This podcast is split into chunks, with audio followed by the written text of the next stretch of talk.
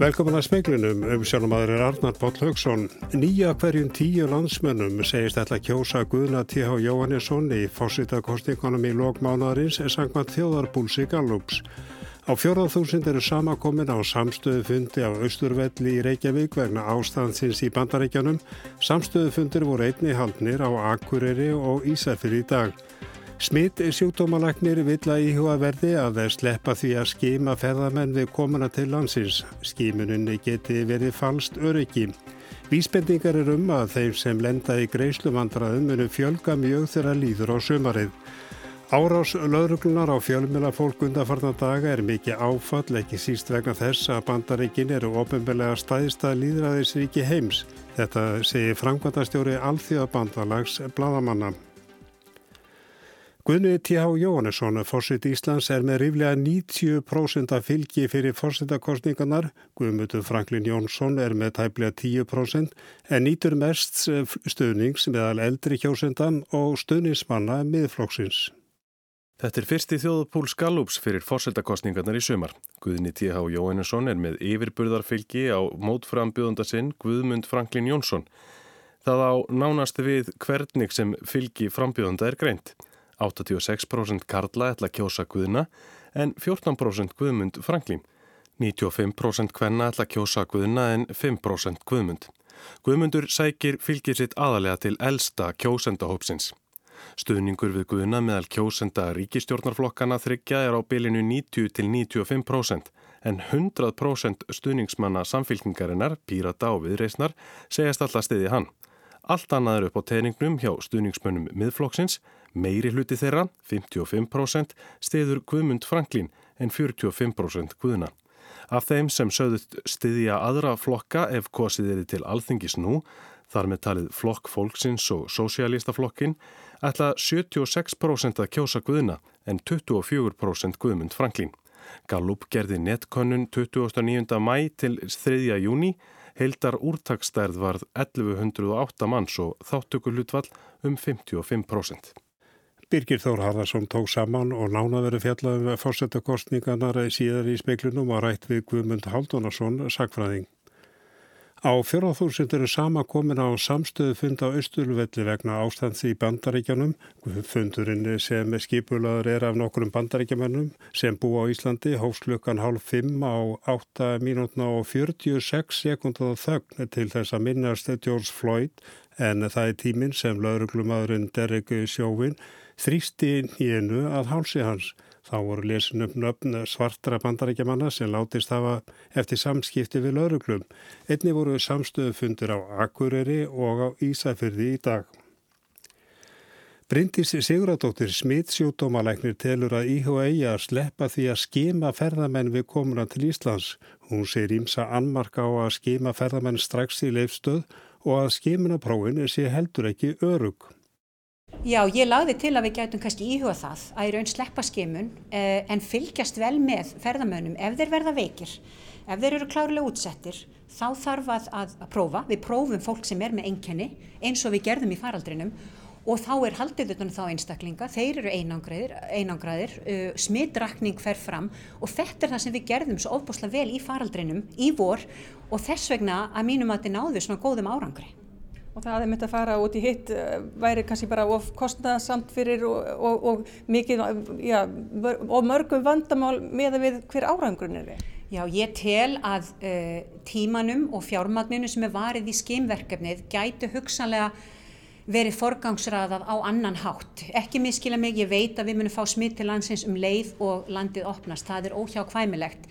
En ég tel að þessi skimun sé hugsanlega bara einhvers konar falstöryggi og eitthvað kannski sem að uh, fólk haldi að uh, sé góð hugmynd en uh, ver okkur ekki í fyrsta lagi og líklegast ég vil ekki segja sóun en ég held að vinnan og orkan sem er búin að fara í þessa ferla sé kannski hægt að nýta á annan hátt. Þetta var Bryndi Siguradóttir, Alma Ómarsdóttir talaði við hana og nána verið fjallað um þetta í fréttum klukkan 7 og í Kastljósi.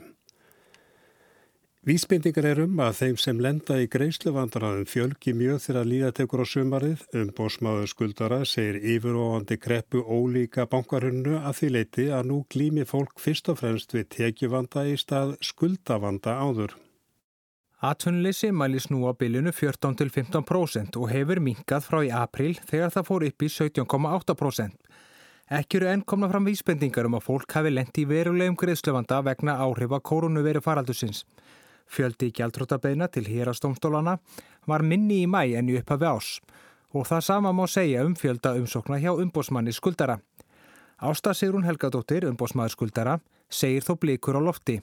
Fjöldi fyrirspurna hafi aukist á síðustu dögum og þá hafi rúmlega 6.000 manns sótt um greiðslufrest af afborgunum lána hjá böngum, lífyrirsjóðum og húsnæðis og mannvirkjastofnun. Og það eru líkur af því að síðsum að segja haust munum koma hópa sem að lenda í vandræðum húsalega eftir að uppstakna festi líkur.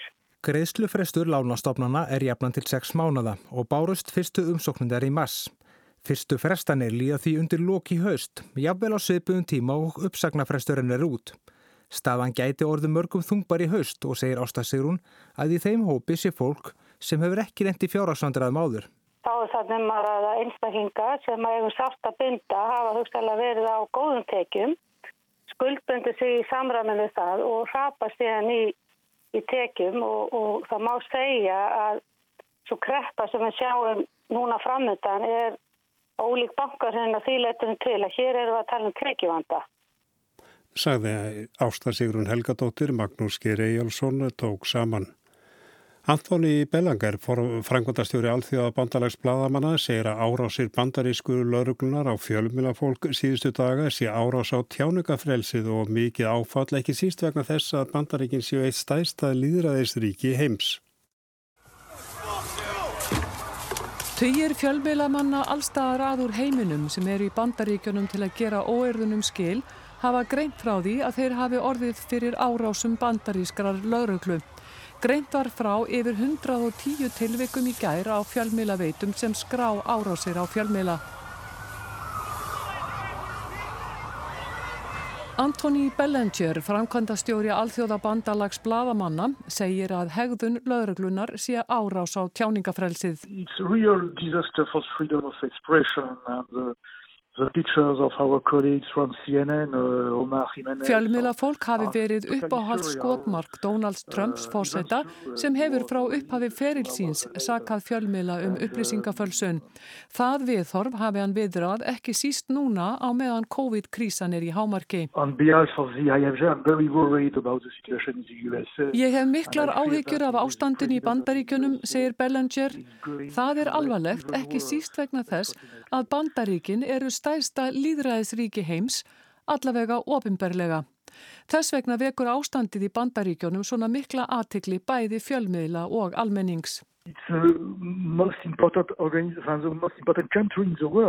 Mannréttindastjóri saminuðu þjóðana lísti því yfir í dag að árásir á fjölmiðlamenn í bandaríkjónum að undanförnu væru fordæmalösar. Bergljótu Baldurstóttir tók saman. Mark Esper, varnamálar á þeirra bandaríkjana, hverst andfur því að herlandsins verði beitt til að bæla niður mótmælinn sem brutist út eftir að lauruglu þjóðn var George Floyd að bana í Minneapolis í síðustu vikum. Donald Trump hefur hótað að kalla herin út linni uppþótum ekki. Trump lísti því yfir þegar hann ávarpaði þjóðina á mánudag að ef ríkistjórar og borgarstjórar gætu ekki greipi til nöðsynlegra aðgerða til að verja líf og eigur tegnana, ætlaði hann að kalla hérinn út og leysa vandamálið fyrir þá með skjótum hætti. If a city or state refuses to take the actions that are necessary to defend the life and property of their residents, then I will deploy the United States military and quickly solve the problem for them. Að sögn CNN fréttastofunar lísti Mark Esper varnarmólar á þeirra því yfir í dag að hann stitti ekki hugmynd fórsetans um að beita hernum gegn mótmælendum. Það að kalla hérinn út ætti að vera loka úrræðið til að læja öldurnar og einungis við brínustu og alvarlegustu aðstæður. Þær væru ekki komnar upp enn. Mark Esper bætti því við að meðferðin á George Floyd væri hræðilegur glæpur. Kynþáttahatur væri við líði í bandaríkjunum og það yrði að viðurkenna, taka á því og uppræta það. Ástýr Tómasson saði frá. Guðmundur Haldunarsson, sakfræði profesor við Háskóli Íslands, segir að á vissan hátt sé tekist á um stöðu fósittans í kostningabaráttunni vegna komandi fósittakostninga. Hann segir þetta eftir viðtalið speilsins við Guðmund Franklin Jónsson sem býður sér fram gegn Guðna T.H. Jóhannesinni fósitta. Hann segir að Guðni hafi fært embætið aftur á þann stað sem það var áðurna Ólafur Ragnar Grímsson beitti málskótsréttinum í fyrsta sinn. Eh, Guðni hefur frekar eh, litið á að fórstinn eigi að vera eitthvað svona saminningatákn og, og, og hérna svona samina þjóðina og, og halda sér svona tilturlega til hljés þegar kemur af svona dagjóðsrasi. Eh, Guðmundur Franklin vil hins vegar gera fórstastarfi miklu miklu virkara heldur en það verið í beinlis í starfi stjórnmálana, taka beinan þátt í því að, að til dæmis hvaða, hvaða lagafrumar börju lögð fram á alþingi í hvaða lagafrumvörp eh, fá staðfestingu, hluta staðfestingu eh, og, og svo framvís. Þannig að, að eh, þarna er tekist á um tvö grundvallar sjónamið um, um það hver staða fórstins á að vera. Á hún að vera sem sagt E, raunverulega einhvers konar vald til hlýðar við e, þá hefðbunna ríkisvald í þingræðisríki þar sem að það er, er, er ríkistjátt sem hefur meirhlut á alþingi sem að, sem að hefur framkvæmt aldrei í höndum sér eða, eða miskusti er ekki felda meirhlutanum eða ætlum við að taka þá upp e, einhvers konar, já það er þá einhvers konar tvíhafða kerfi hér að því að Eh, ríkistjónin verður áfram og við verðum áfram með þetta þingraðis fyrirkomulag en, en fórsetin verður þá einhvern veginn svona virkur þáttakandi þar við hliðina og þetta er það sem við verðum að takast á. Um. Guðmundur Franklin hefur ítrekka bent á að fórsetin er farið með lögjafarvaldið með alþingi. Guðmundur Haldunarsson segir að þetta standi vissilega í stjórnarskráni. Þetta er leif í raunverulega frá því að, að, að danska stjórnarskráin sem var sett árið 1849 og íslenska stjórnarskráin er að stórum hluta ennþá svona nokkur megin orð, orð frá orði til orðs í íslenski þýðingu svo stjórnarskrá. Það var auðvitað allt annað tími þá, þá til dæmis hafði konungurinn raunlega framkantavaldið með höndum. E, konungur skipaði e, ríkistjón sem að, og þurfti ekki að hafa, hún þurfti ekki að hafa meirluta í þinginu. Þessu ákvaði hefur ekki verið breytt hvorki í dönsku stjórnarskáni neð þeirri íslensku. Í dönsku stjórnarskáni er líka ákvaðum að konungur geti sinjað lögum staðfestingar. Guðmundur Haldunarsson segir að Jafnfrand sé hveð áum að hann sé ábyrðalauðs af stjórnaratöfnum sínum eins og fórsiti Íslands. Sko þar með hafi hann ekki raunvað líðræðislegt vald. Allir líðræðislega kjörnir fulltrúar sem hafi vald verði að uh, bera ábyrðina líka og það er greinilega og þannig tólka danir þetta. Málskottsréttur fórsetta er ekki lengur döður bókstafur í íslensku stjórnarskráni. Guðmundur Franklin Jónsson hefur sagt að hann fari gegn Guðna TH með málskottsréttin að vopni. Hann saði gæra að það ætti að beita honu sparlega en fórsettin ætti heiklaust að gera það þegar myndast hefði gjá á millið þjóður og þings. Hann sagði það sem sagt að, að fórsettin er þjóðkjörinn og það er alveg rétt e, og þess vegna sá hann fyrir sér svona eiginlega sinnvilja að vilja þjóðurinn að vera svona nokkur veginn hins sama. En við erum átt okkur á því að, að lang fæstir íslenska fósita hafi verið tjörnina meirhluta e, með meirhluta atkvæðis bara manna þegar það og raunverulega bara einn fórseti sem hefur í fyrsta sinn sem hann var kjörinn sem var með yfir 50% greitir atkvæða og það var Kristján Eldjón árið 1968. Hann segir að eftir að Ólaf Ragnar Grímsson beitti málskóðserjettinum séu engar takmarkanir settar fórsetunum. Þannig að fórsetin getur þar með uh, sinjað öllum lögum uh, undirskriftar og hvort sem að fjárlög eða, eða önnulög. Uh, ok, er, það er nú kannski svolítið, svolítið upplösn í samfélaginu að fórsetin beitti þessu mjög oft þannig að Guðmundur Franklín allar að gera það sparlega en þá er enga reglu til eðsagnar um það hvað það þýðir. Jú, það er, það er þessi djúpa gjá eða stóra gjá að milli þings og þjóðar sem, að, sem að ofti talað um og, og ég held að það sé alveg hægt að halda því fram að, að það átti sér stað í æsæðmálunum. Það var ekki alveg ljóst með fjölmjölafrumarpið og ákvæmna kannanir síndu ímislega. En það er líka hægt að benda úr ímis önnum mál eins og til dæmis e, fiskveiðilögsuna, nei, e, löggefina og, og, og kvótamál og annað slíkt þar sem að sapnaðist mikið undirskriftum. Þannig að, að eh, sparlega og ekki sparlega það, það er algjörlega greinilega opinn bók og ég sjálfur sér með að hlusta á Guðmund Franklín þá, þá virtist mér að hann ætlaði þá að beita þessum, þessum álskóðsrétti fyrst og næst í þeim álum sem að sem að hann hafði verulegan áhuga og, og sem er kannski ekkit óeðlegt og taldi þar upp nokkur mál.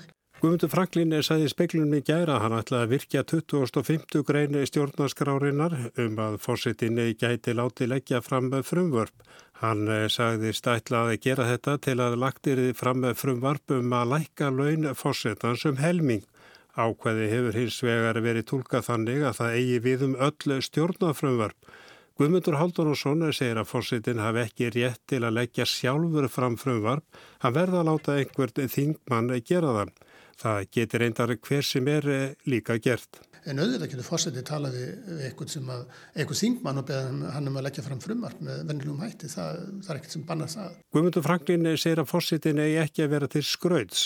Nafni hans Guðmundur Haldunarsson segir skilja hvaðan eigi við og að þetta hafi heyrst áður. Það sé vegna þess að fórsetin hafi engin völd og að ennbætti sé fyrst og fremst ennbætti fyrir aðtapnir að klippa á borða og halda ræður 17. júni.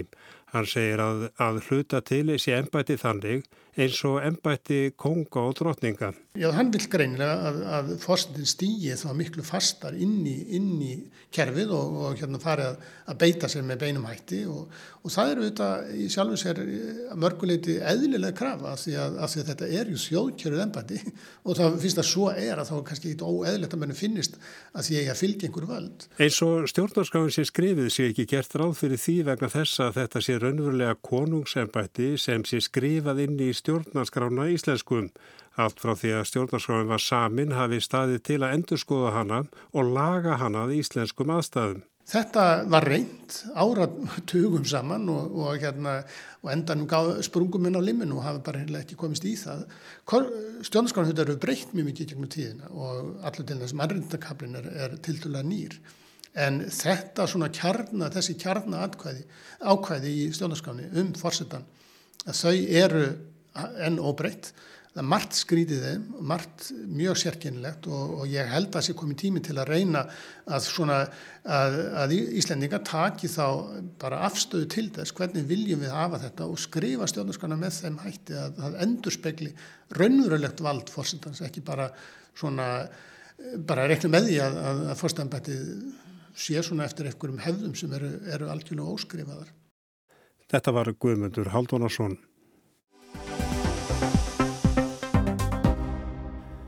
Yfirlagnir á ónæmis fræðideild landsbítalans útlokar ekki að gríðarlega notkunu sóttreinsi sprits geti valdi varalegu skaða á ónæmiskerfinum.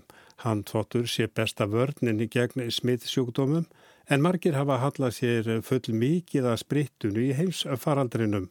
Veirur kunna verða ónæmar fyrir spritti en þegar er farið að bera á ónæmi kakvart öðrum sóttreinsi efnum.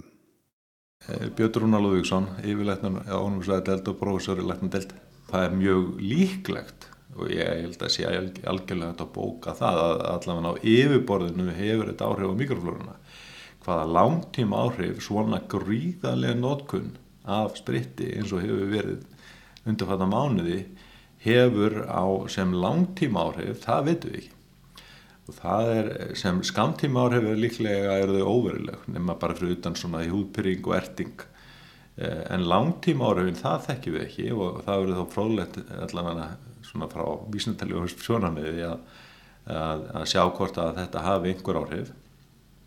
Og svo hitta hvort að, að það er náttúrulega eitthvað magt og þessi alveg óskaplega lítið sem að frásóast fyrir þá inn í líkamann Um, hvort að það ná að hafa áhrif á flórun í meldingajónum ég finnst það verulega ólíklegt en það er náttúrulega heldur ekki útilokkað og, og þar er þá möguleiki og það vitu við að, að, samsetning mikroflónunar er mjög mikilvæg fyrir helbrið okkar. En að þessi áhrif þá er þetta komið ljós. Kanski býst ekki við því að það verði mikil af mikill í þryggja mánada nótkunn Það er bara erfitt að segja til um það þetta hefur náttúrulega verið alveg gríðarlega nótkunn sérstaklega hjá sömum og eða einstaklismundið.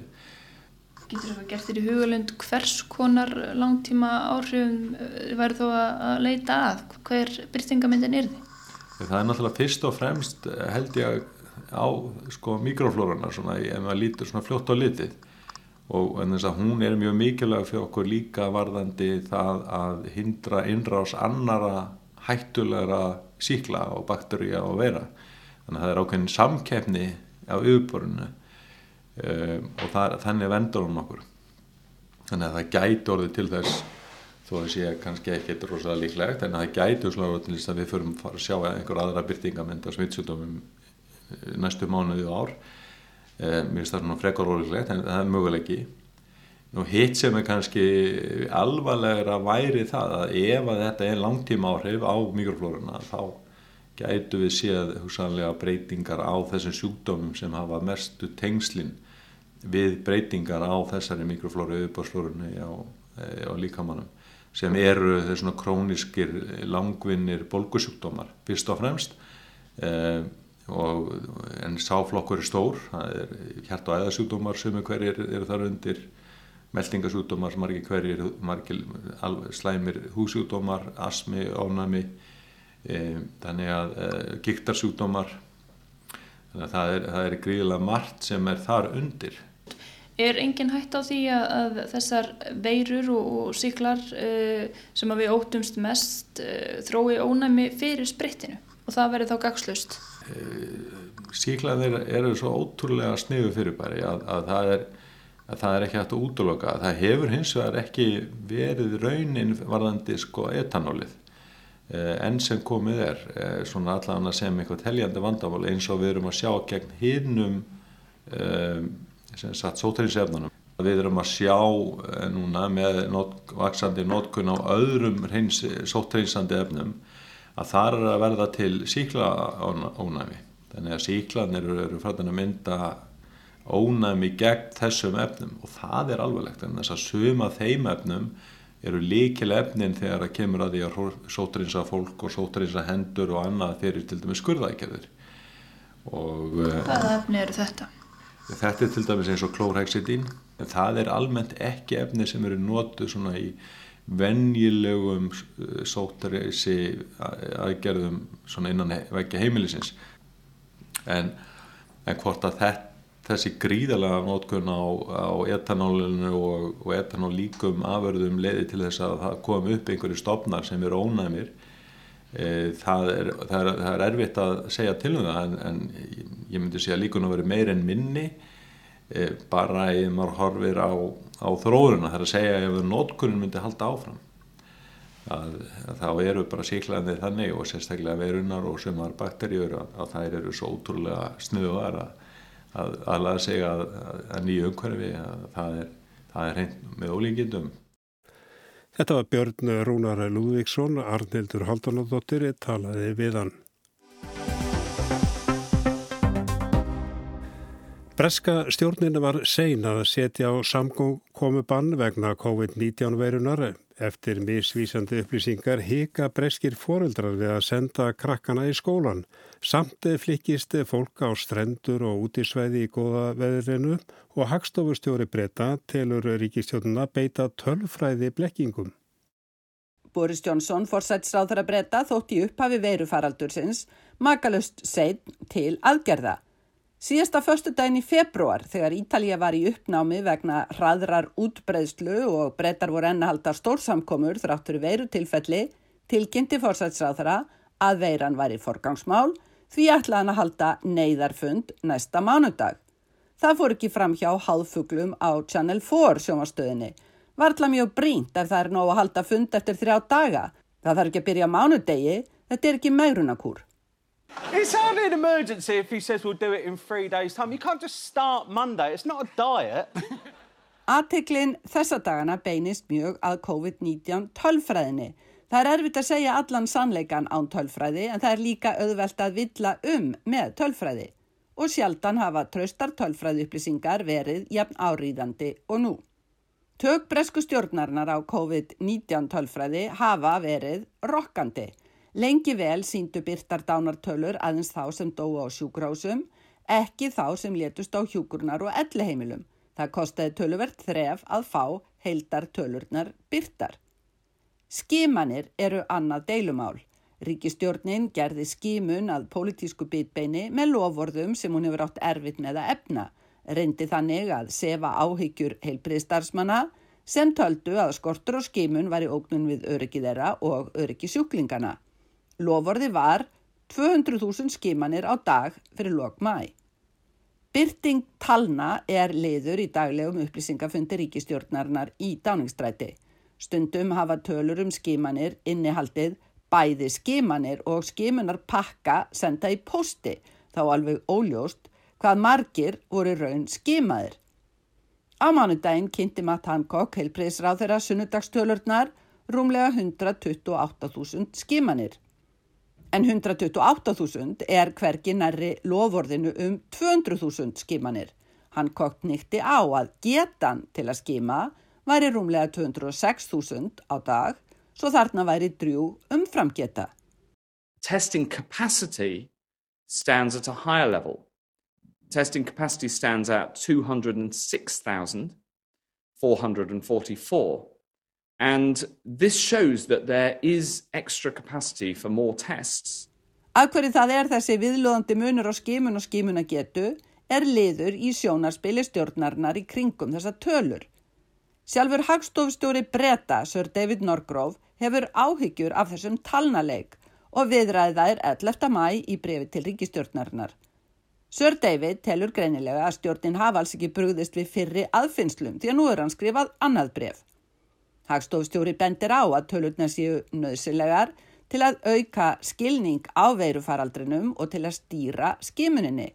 Byrting talnana hinga til stiðji kvorut markmiðið.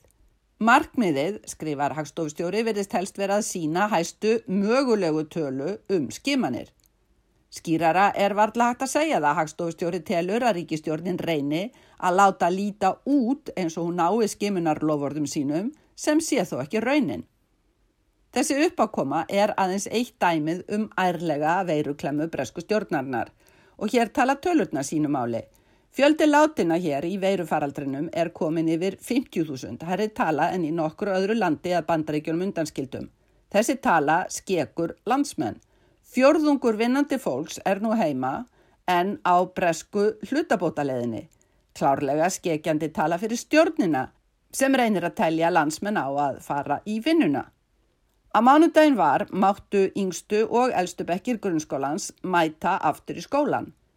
En annars vegar eru margir skólar sem treysta sér ekki til að opna, hins vegar treysta foreldrar ekki orðum stjórnarnar um að það sé í lægi að senda krakki skólan.